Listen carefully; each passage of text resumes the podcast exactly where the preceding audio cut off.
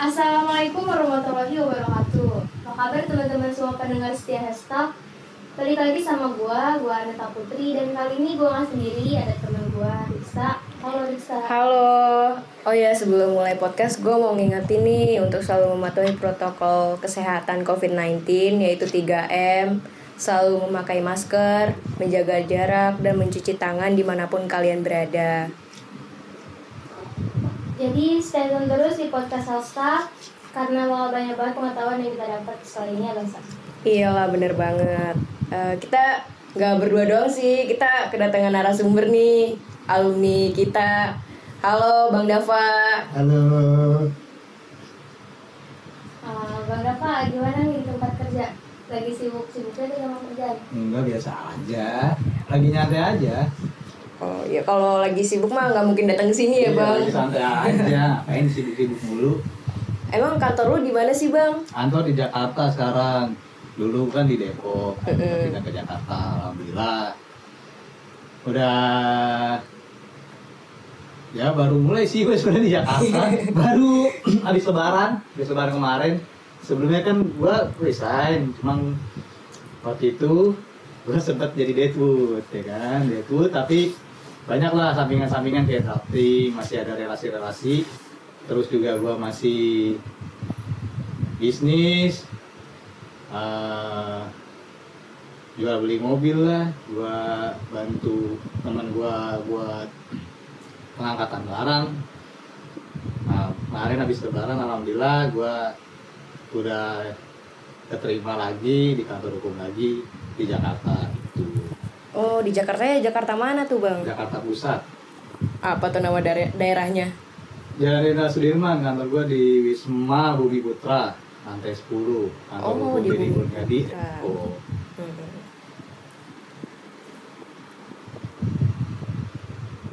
Hmm. oh ada jedanya gitu dikit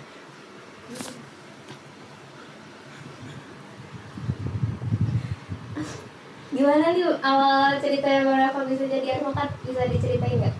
jadi tamu lu capek ngobrol lah ngobrol santai ya jangan jangan tegang gitu loh ya santai aja Ya. apa ya gua kalau cerita jadi advokat nih misalnya kalau suruh cerita jadi advokat kan banyak tuh acara sesmi MPS ya kan tinggal dilihat aja record ulang gitu record ulang aja karena karena uh, buat para pendengar setia HES ya kan? Apa nih MPS ya yang dipimpin oleh abang gue juga Bang Sidi kebetulan. Dia secara umur lebih tua dari gua jadi gua harus menghormati. Walaupun secara akademisi ya gue lulus duluan lah. Tentunya karena gue masuk lebih dulu di WIN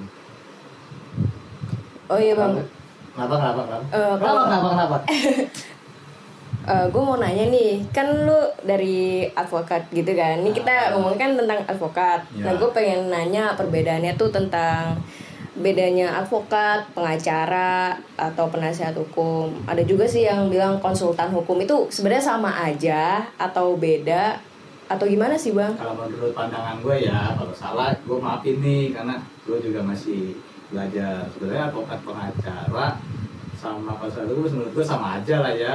Orang yang berprofesi di bidang hukum spesialisnya ya banyak gitu kan.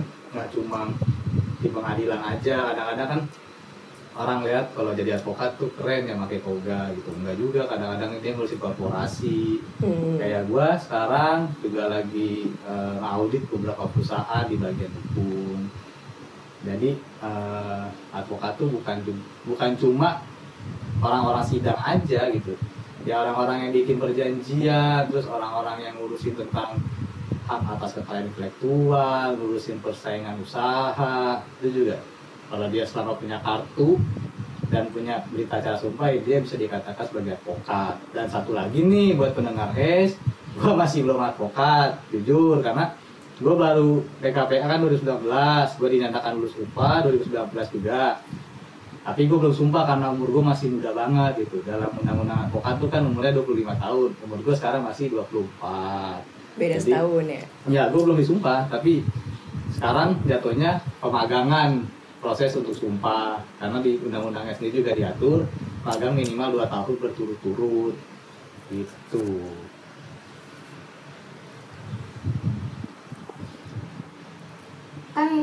suka ada yang beropini kalau advokat tuh dihadapi sama dua pilihan.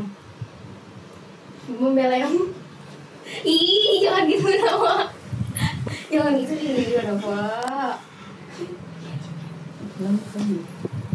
dihadapin sama dua pilihan membela yang benar atau membela klien. Nah pendapat bang Dava gimana terhadap opini tersebut? Ya benar juga nggak nggak salah membela klien ya karena klien sudah nggak bayar membela kebenaran karena profesinya sebagai official mobile profesi yang terhormat dua-duanya juga tidak bisa disalahkan. Cuma kan dilihat prioritasnya dulu dong. Dalam arti ketika kliennya datang gitu kan gue ngambil contoh kasus gue aja gitu.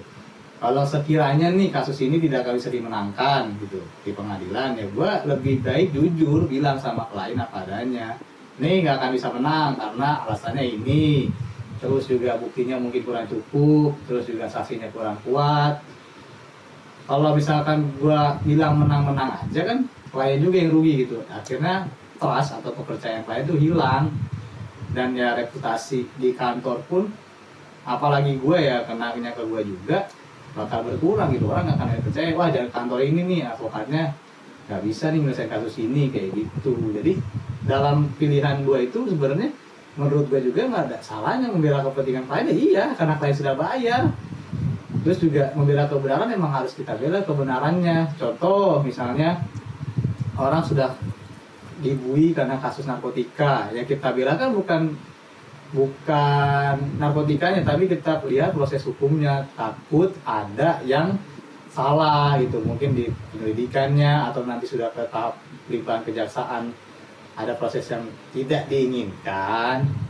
Terus juga di pengadilan juga sama kita temenin gitu. Jadi kita mengawal itu bukan mengawal berdasarkan pembelaan terus gitu minta bebas. Enggak ya udah kalau memang dia nggak salah ya kita kawal aja proses hukumnya bukan minta bebas gitu.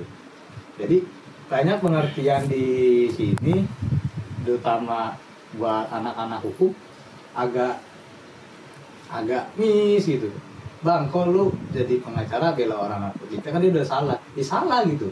Atau eh, yang berat waktu itu para cabul gitu kan. Orang pelecehan seksual.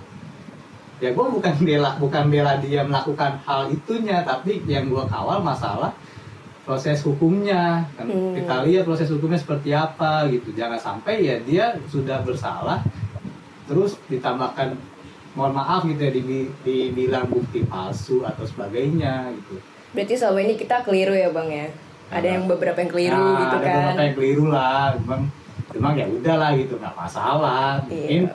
adik-adik jangan jadi pengacara lebih baik contoh lah podcast podcast sebelumnya bang Bakri atau Rifki lah itu kan orang-orang suci jangan lah kayak gue itu jangan berat berat banget itu Nah kan setiap profesi itu pasti ada kode etiknya kan bang. Nah kalau advokat nih pasti juga ada kode etiknya. Gimana nih bang kalau misalkan ada seorang advokat yang melanggar kode etik itu dilaporinnya ke siapa, ke mana? kode etik advokat itu dilaporinnya ke Dewan Pengawas Advokat. Biasanya advokat itu kan kalau memang ada kesalahan atau misalnya ada ya dia berbuat yang tidak sesuai lah dengan kode etik, ada empat tahapannya. Dua tahapannya di antaranya teguran, terus yang dua lagi itu udah dimasukin ke Mahkamah Agung. Ah, kalau misalnya advokat sudah melanggar kode etiknya parah kan ada skalanya ya ringan, sedang dan berat gitu Hmm. itu bisa dicabut kartu anggotanya dan dia tidak bisa beracara lagi gitu. Itu ada ketentuan berapa tahunnya gitu nggak bang? Apa Kalau- selamanya gitu nggak Kalau bisa? yang paling parah udah selamanya dia nggak bisa beracara lagi gitu. Dia masuk penjara lebih dari dua tahun, dia nggak bisa beracara, langsung dicabut karena kan dia melanggar kode etik, nggak tahu itu melanggar hukum kenapa dilakuin misalnya Iya. kayak gitu. kalau magang nih bang kalau magang penting nggak sih buat kita nih sebelum terjun ke dunia firma hukum Atau ke dunia kerja gitu bang? Sebelum Magang tuh penting nggak? Terserah. Menurut lu Terserah, gimana, gitu, Bang? Terserah. Gue apa ya? Kalau magang kan balik lagi ke orangnya ya. Gue nggak bisa bilang lu magang ke firma hukum tuh belajar hukum positif terus enggak juga.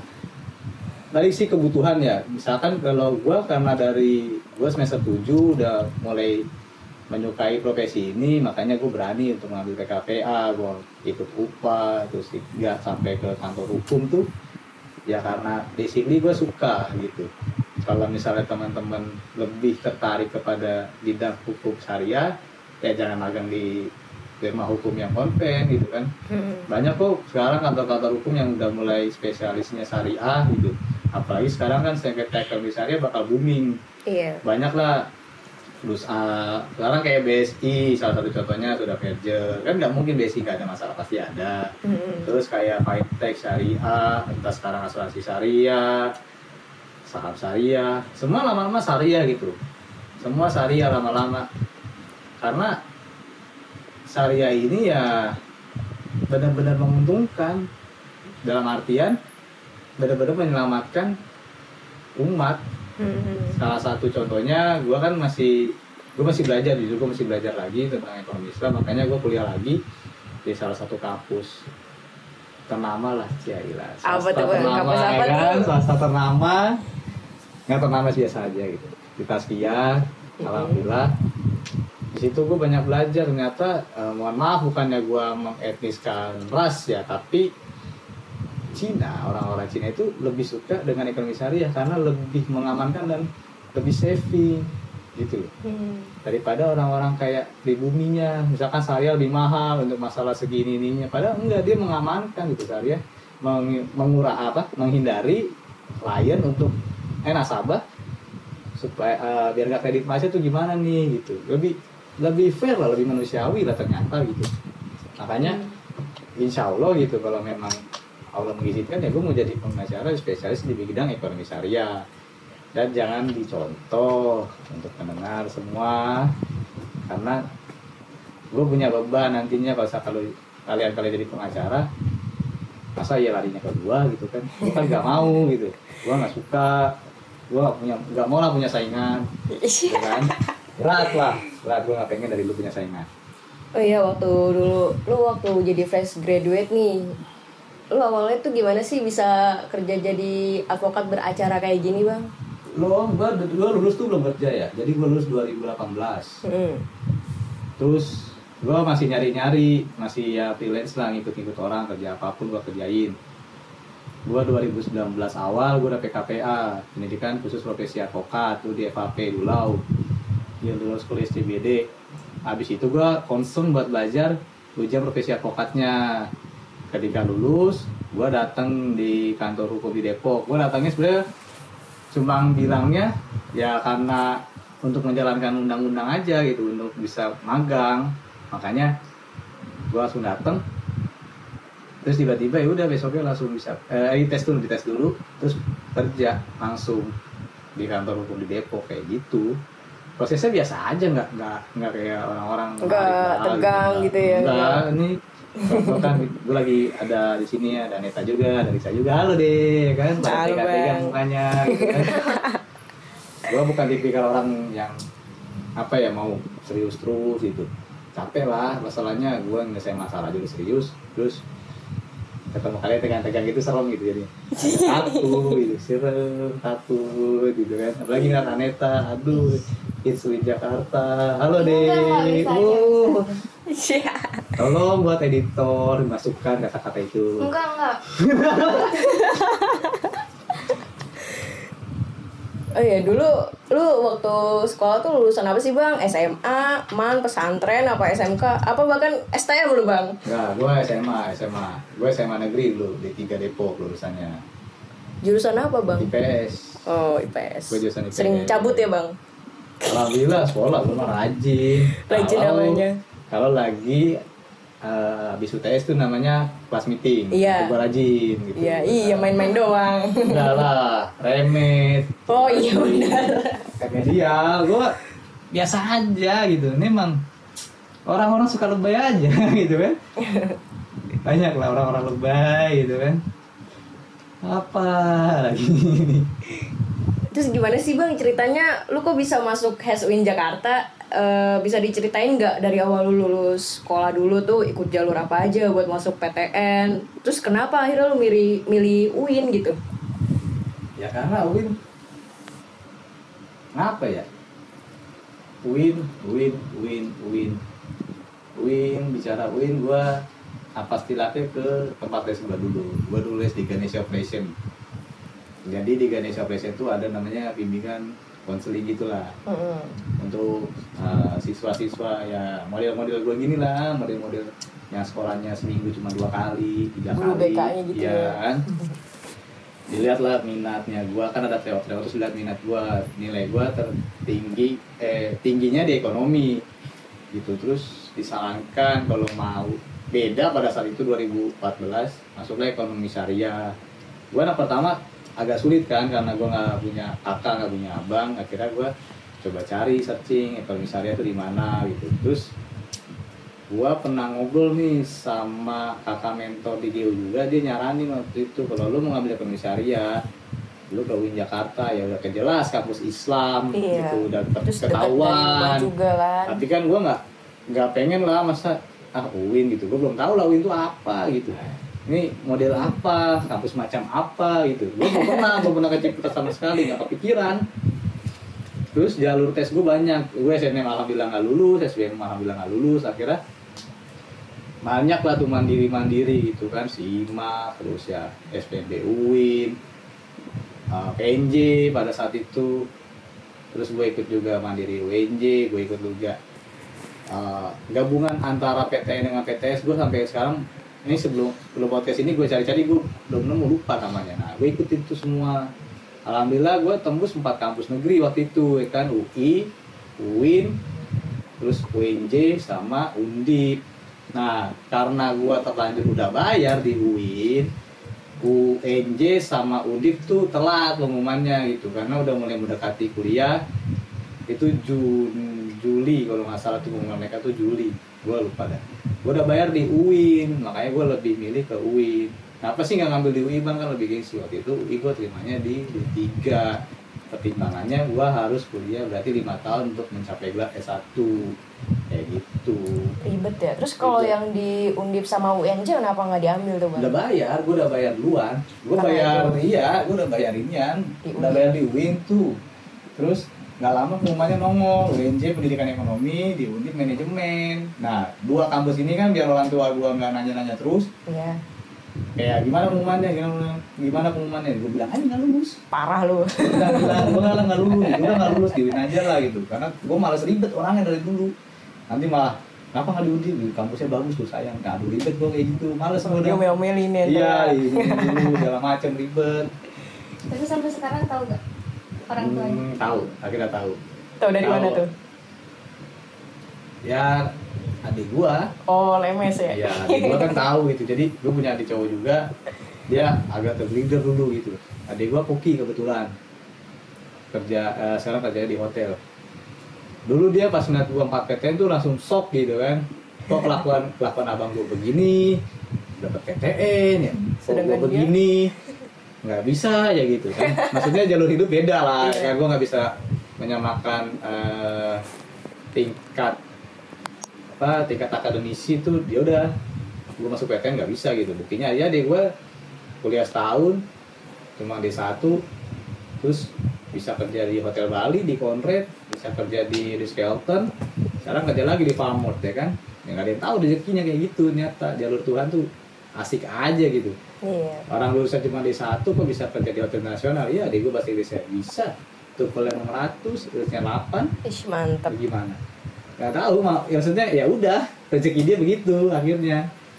Terus ya gue bilang sama adik gue ya lu nggak usah ikut nggak usah ngeliat gue juga gitu. Kalau sekarang gue udah S2 ya udah lu minimal sudah bisa merasakan tiga hotel besar di Indonesia gitu. Apalagi kalau lu benar bener di desa gue lu ke Abu Dhabi lebih enak lu mau pilih Abu Dhabi lu mau ke Sydney sama waktu itu dia Singapura tiga hotel internasional lagi dijelajahin itu rezeki dia biarin gitu ya gue punya rezeki ya sendiri lah Iya. kayak gitu Keren-keren sih keluarga lu, Bang. biasa aja cuma orangnya pada suka lebih Ih, bukan lebay. Apresiasi, Bang. nggak itu lebay Pinter-pinter berarti ya?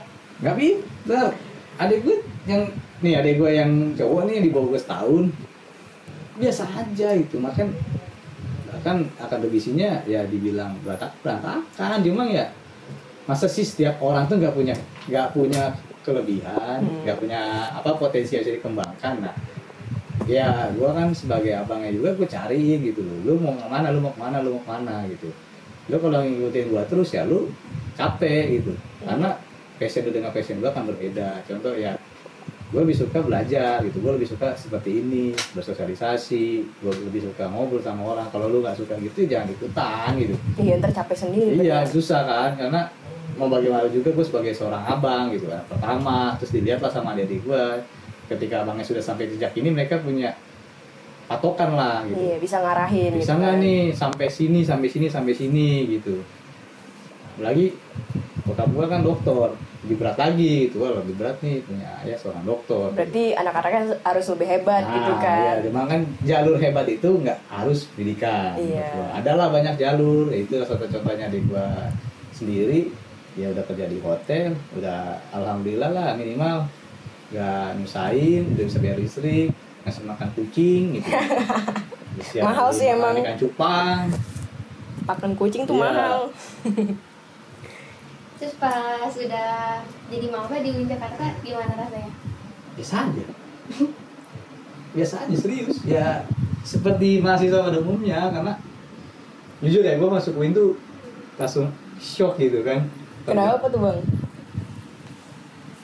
gue kan lulusan SMA ya kan gue lulusan SMA yang notabene kuliah tuh ngeliat orang pengennya pakai kaos nah, jeans. Tapi biasa aja gitu. Gue alhamdulillah sama Bakri ya modelnya seperti itu ya kan anak SMA SMA gitu. Kaget lah masuk UIN oh isinya cacok cacok ya kan. Ada pape pape mana nih ya kan?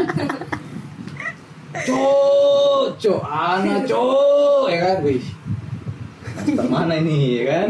Ya mulailah bersosialisasi dengan teman-teman yang beda alam lah bahasanya kan beda beda alam gue SMA dengan pesantren ketemu gitu kaget dengan style-style mereka yang gue dari kampus kok dia pakai flanel lah gue pakai kaos gitu. pakai jeans gitu ya Iya, roh ganteng banget sama pesantren kalah gua gitu kan.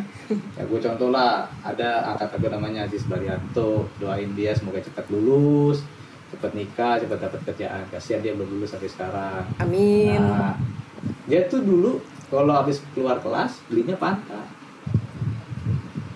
Panta, wih keren dulu kan. Ih, nggak diabetes apa kan banyak itu Nah, gulanya alhamdulillah gitu, nggak tahu gua kan. Beda lah, gue langsung kaget gitu. Win kayak gini ya gitu, Win kayak oh gini, terus oh mayoritas anak pesantren, oh culture-nya ternyata beda ya sama anak hmm, SMA ya Gua harus ngikutin culture mereka nih, gua harus ngikutin pergaulan mereka nih, gitu loh. Gua nggak bisa nih, kalau misalkan gue bikin pergaulan sendiri, gue sama Bakri lagi. Ada lagi teman gua namanya Izudin juga anak SMK di Jakarta. Wah nggak bisa nih ngikutin pergaulan. Kita bikin pergaulan ini nggak bisa nih. Ikutlah pergaulan anak pesantren yang makan rame-rame itu satu tempat Baskom. satu Ya, baskom nah, satu, ya gitulah pokoknya satu mbak apa satu tempat gitu satu nampang rame-rame. Ya akhirnya asik-asik aja sih gue nikmatin aja sampai sekarang gitu. Sampai lulus lah. Sekarang gue udah gak nikmatin lagi Win kan nggak di Win. iya Alhamdulillah ya kan. Udah lulus udah tenang dah Iya. Terus ikut organisasi apa aja pas di UIN? Di Win gue aktif di ekstra. pertama gue aktif di ekstra dulu ya berarti gue masuk HMI. Setelah itu gue ikut HMPS dua periode. Terus gue selama HMPS tuh gue sebenarnya ada lagi organisasi di luar maksudnya bukan di ranah kampus ya di rumah tuh gue ikut karang taruna tingkat kelurahan. Habis itu gue ikut eh, alhamdulillah dia manahin lagi ke DMI FSH jadi kabit sama Keren Kamel. terima kasih Kamel sudah menolong saya. Kamel cepet-cepet nikah kan? Jangan jangan disorong lah nikahnya Kamel jauh. Gak punya duit kita Kamel. Buru-buru bicara ini susah. Kita gak punya duit Kamel. Oposin lah. Nah, terus udah gue di DMI PSA udah selesai. Semester 7 gua sempro udah lagi nih ketua BSS lagi udah selesai. Di UIN udah selesai gitu. Cuma habis lulus UIN gua kan. Sempat belajar terus habis itu di kantor hukum gua ikut BPPH BPH PP Pemuda Pancasila sebagai eh, anggota. Habis itu sekarang ikut lagi eh Young Lawyer Commit di Depok gitu loh. Itu isinya anak-anak muda ya? Soalnya kan yang ya anak-anak muda isinya sekitaran umur 20 sampai 30-an doang. Fresh graduate lah ya. Pengacara-pengacara muda yang sudah lulus UPA mungkin kayak gue kan lulus UPA Hmm. calon advokat sama advokat-advokat muda. Di situ biasanya uh, tempat diskusi atau misalkan tempat uh, menyelesaikan suatu perkara gitu. Beberapa kali ngumpul sih gue baru beberapa kali ngumpul kebetulan ketuanya juga gue kenal deket sama anak UP Pancasila. Ya insya Allah nanti juga banyak lah proyek-proyeknya gitu. Dan ada manfaatnya sih ya pasti. Iya. Terus pengalaman suka duka bang Dava nih selama kuliah? Banyak pastilah. Kisah cinta mungkin kisah sukanya di UIN sukanya di UIN apa? Suka di UIN UIN apa sih UIN itu? Gue kadang suka amnesia kalau inget-inget UIN itu UIN itu banyak ya. Gue orang yang nggak bisa ngomong dulu. Nggak bisa ngomong gue nggak bisa bukan no lives hahaha lucu kasihan.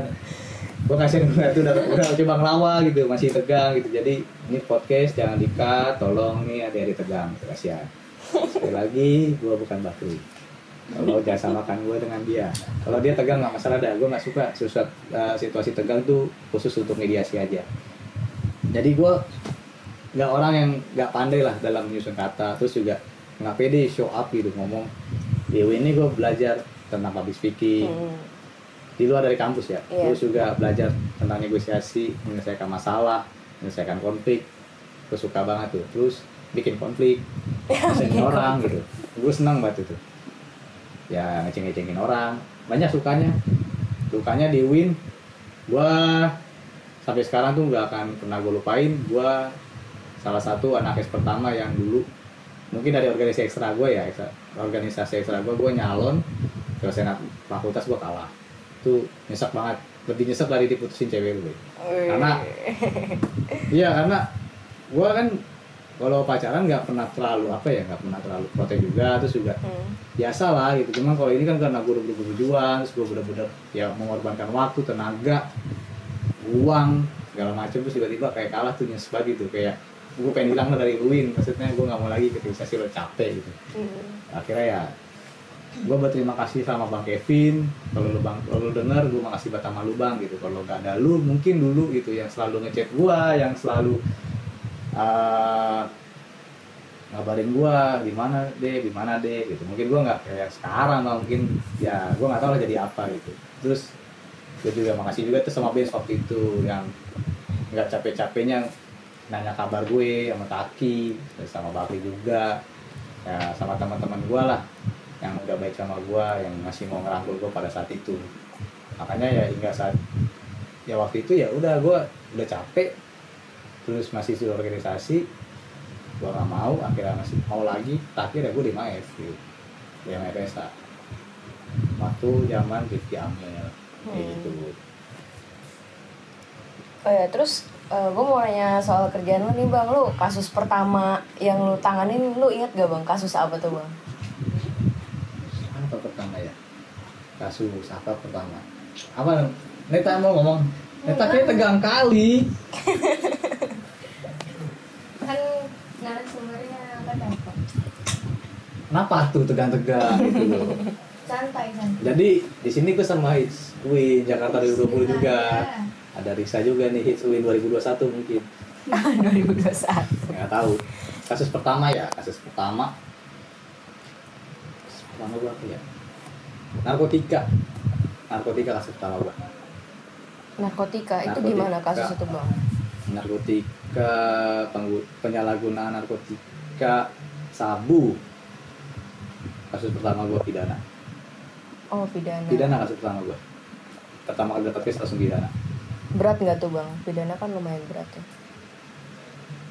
Mana Menurut ya? lu Gua berat gak? Ah, lu kan orangnya santai sih. gue nggak pernah nganggap berat soal dari dulu bukannya bukannya kayak sombong karena ya gimana gue nggak pernah kayak mikirin aduh gimana nih itu nggak pernah Jalanin aja gitu ya. iya udah Takles tumor aja udah santai. Nggak nggak aduh mana ya nih? Aduh tuntutannya berapa ya? Nanti bikin PDI gimana? Lagi itu udah ngalir aja. Semua kayak udah ada aja gitu. Hmm. konsepnya oh kayak gini oh kayak gini oh, kayak gini. Oh tuntutan segini oh ya udah gue begini. Pledoinya begini berarti pembelaannya. Kayak gitu aja udah. Ya nggak dibawa pusing lah berarti Enggak, ya. gue gak pernah bawa pusing dari dulu. Apa pun gitu. Hmm. Terus selama kerja jadi advokat ada suka dukanya gak? Iya lu dukanya pernah gak sih bang nanganin kasus terus udah menang gitu kan? Misalkan lu nggak dibayar gitu pernah nggak kayak gitu bang?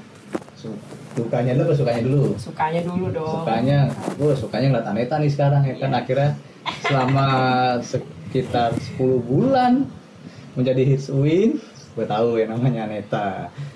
Tuh. Iya suka. Jadi suka? Advokat. oh suka jadi advokat. Gue suka ngeliat Aneta gitu salah ya berarti salah habis agak-agak fokus gua gitu kan Wah kenapa ya?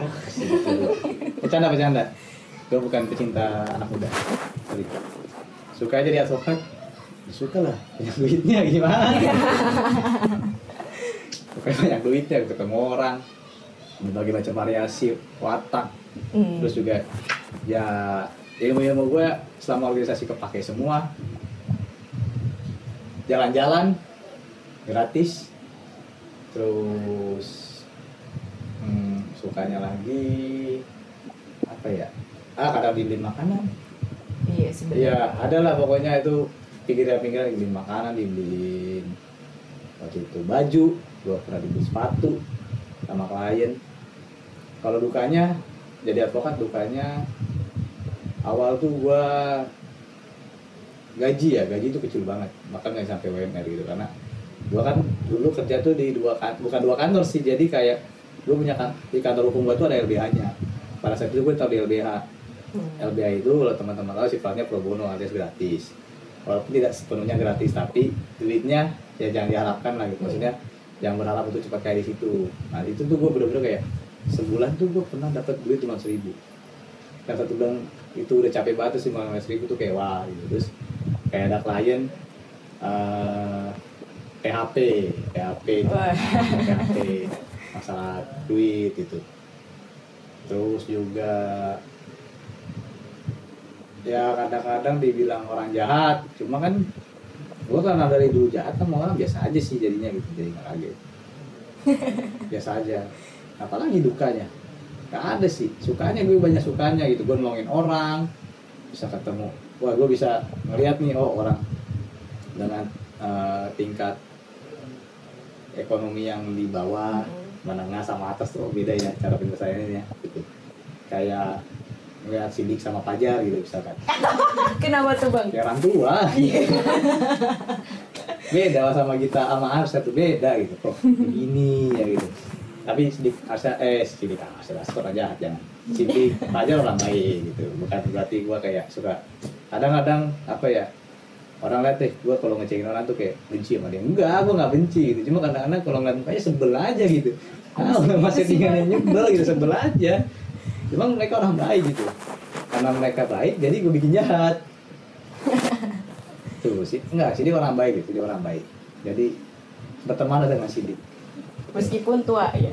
ya orang tua takdir lah. Gue nggak bisa ngomong nih gitu maksudnya. Ya emang lu tua. Intinya sih lu lebih tua dari gue bang. Lu 95 gue 96 Aduh. tuh. Beda setahun. iya beda setahun. Jauh lah. Oh ada pesanan lupa.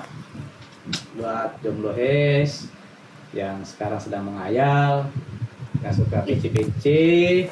Di sini ada Aneta. Gue udah ketemu sama Aneta. Aneta tuh udah ya sudah lah gitu jadi omongin lah Ih, tapi kadang kok bisa lihat ini, lihat watak orang gitu. kenapa? Bisa lihat watak orang gimana. Mungkin Watak dilihat dari sih, pembawaannya kali. bukan watak sebenarnya kayak ada gue di UIN tuh nggak belajar psikologi hukum jadi Hmm. orang tuh eh, kayak datang ya kan beda-beda Hmm. misalnya si A dengan si B datang dengan kasus selama perceraian pasti kasusnya beda kronologinya beda. Ya, gue lihat dulu tuh biasanya gue pelajari cara ngomongnya lihat matanya kening pipi bibir. Itu ada ilmunya gitu. Jadi kalau misalnya dia ngeliat ke atas mau dilunjukin dia ngeliat kanan oh dia bohong gitu. Iya iya. Ya, Ada ada gitu. ada ilmu ilmunya. ada ilmunya kayak gitu. Jadi eh, gak semuanya dipukul rata nggak. Jadi gue lihat dulu kasusnya kayak apa orangnya seperti apa penyelesaiannya seperti apa. Akan beda gitu. Misalnya kayak Lisa sama Neta gitu sama-sama perempuan sama-sama tahun kelahirannya 96 ya kan misalnya. Tua banget. Bakal beda bakal beda cara pendekatan gue sama kalian berdua tuh bakal beda gitu. Jadi nggak bisa dipukul rata oh kalau ini kayak gini ini kayak gini ini kayak gini nggak bisa. Jadi ada ada metodenya dan cara masing-masing. Tiap orang itu pasti punya metode penyelesaian masing-masing. Jadi lu bukan sotoy apa netapin nih orang kayak gini nih bukan ya ada bisa. Ilmunya gitu kan. Nggak bisa, karena- gue pernah dapet klien datang datang nangis. Terus apa yang beli lain kalau Hmm. nangis doang. Tunggu dia tenang dulu. dulu tenang kita berarti. harus bisa menangin dulu kita bisa down dulu minum tisu minum makan kan? Anduk buat mandi kali dia mau mandi. Terus dia misalkan mau berjemur ya berjemur dulu lah terserah gitu. Sampai dia kondisinya down dan tenang baru bisa cerita oh pernah gue begitu nangis nangis masalah tanah. Itu ada kali nangis doang sejam terus ada nggak yang kliennya yang apa namanya datang marah gitu marah Ada. suka marah-marah? Ada yang ada yang kayak gitu juga. Wah si ini pokoknya saya nggak mau tahu ini saya harus ambil ini harus saya apa harus saya incer dia dia sudah mengambil harta ini ini ini ini, gitu ada ada aja. Pokoknya unik lah tiap orang tuh unik gitu. Nggak nggak bisa sama. Penyelesaian aneh-aneh. Iya. Tapi berkesan menurut gua karena di situ gua belajar mengenal karakteristik orang oh orang ini kayak gini Ini Dan orangnya tangannya begini, gitu iya kan. itu beda. Walaupun memang jalurnya cuma dua ya kalau nggak ada litigasi ya litigasi itu aja. Mau mediasi atau mau pengadilan itu aja. Cuma tas datanya aja lucu-lucu gitu. Kadang ada yang datang bebet cerita-cerita panjang buktinya mana? Oh iya saya lupa buktinya tinggal di rumah balik lagi. Udah selesai tungguin terus ada lagi yang datang kok buktinya cuma segini? Tapi omongannya kayak gini. Nah ini gimana nih? Gitu kayak ada iya ada ada juga yang mau ngejebak kayak gitu kayak buktinya kurang dia ngomongnya panjang lebar gini gini gini karena kalau yang kayak gitu gua nggak ambil biasanya. Nggak jelas ya? Ya karena nggak jelas nih arahnya mau ke mana terus juga kemungkinan case ini menang seperti apa. Kalau kayak gitu misalkan dia masih maksa gua alternatif gua drafting aja. Hmm. lu mau uh, lu datang ke gua oke gua bukan yang nggak mau sidangin. Gue kan orang taunya gua pengacara walaupun untuk pengacara. Ya udah saya bukan yang mau sidangin cuma kalau menurut saya kasus ini lebih baik diselesaikan sendiri. Hmm. saya coba bantu di drafting aja. Silakan datang ke PTSP silakan urus sendiri. Situ yang maju. Itu aja. Karena ya udah nggak jelas mau gimana. Iya. Jadi gantung. Kayak Aneta sama cowoknya digantung kan. Itu situ tadi cerita. Cowok itu nangis nangis Enggak. oh enggak Udah nih terakhir ya Bang Pak. Mungkin ada sepatah dua kata gitu yang mau disampaikan ke teman-teman hukum ekonomi syariah yang bisa menginspirasi mereka agar bisa jadi advokat kayak Bang Bapak. jangan jadi advokat. Gua dari dulu ya dari dulu nih sebelum ada podcast ini kalau disuruh ngisi gitu tentang advokat gue selalu menyarankan untuk anak-anaknya dan jadi advokat. Karena berat. Berat berat berat banget terus buat anak anak hes ya semangat aja lah belajar gitu. Gapailah cita-citamu setinggi langit ya. Gila kayak anak kecil. Aneta kayak senyum-senyum mulu nih. Aduh nanti kasihan jomblo-jomblo hes nunggu gitu loh. Pertama kali ini ya? Podcast ya Aneta ya? Iya. oh iya. Kalau kita beri pertanyaan ini bisa nggak Aneta ya gimana? Enggak mau. Oh, nggak mau? Jujur banget. Nanya apa coba? kenapa bisa jadi hits Enggak bisa aja. ya mungkin semangat aja lah anak-anak hes gitu ya, nikmatin aja lah di hes gitu walaupun hesnya begitu ya udah. Begitu ya gimana ya, tuh bang? begitulah. Begitulah. Karena ini kan sebuah podcast gua harus menjaga tutur kata gitu. Iya. Ya kan? Jangan nggak bisa nggak bisa mancing-mancing gitu ya. Iya, nggak bisa. Gamblang-gamblang lah bukan masalah wibawanya cuma kasihan sidik udah tua. Gua kalau mau ngomong kasar gitu ingat sidik aja gitu. Ini kan lagi podcast aduh sidik lagi sidik lagi. Gitu. Sidik lagi sidik lagi. Kasihan dia lebih tua dari gua teman-teman. Jadi gua kelahiran 96 8 Desember sidik tuh 95 gitu. betul. Tapi gua menghormati dia kok walaupun kadang-kadang dia nggak mau hormati gua nggak masalah. Itu dari gua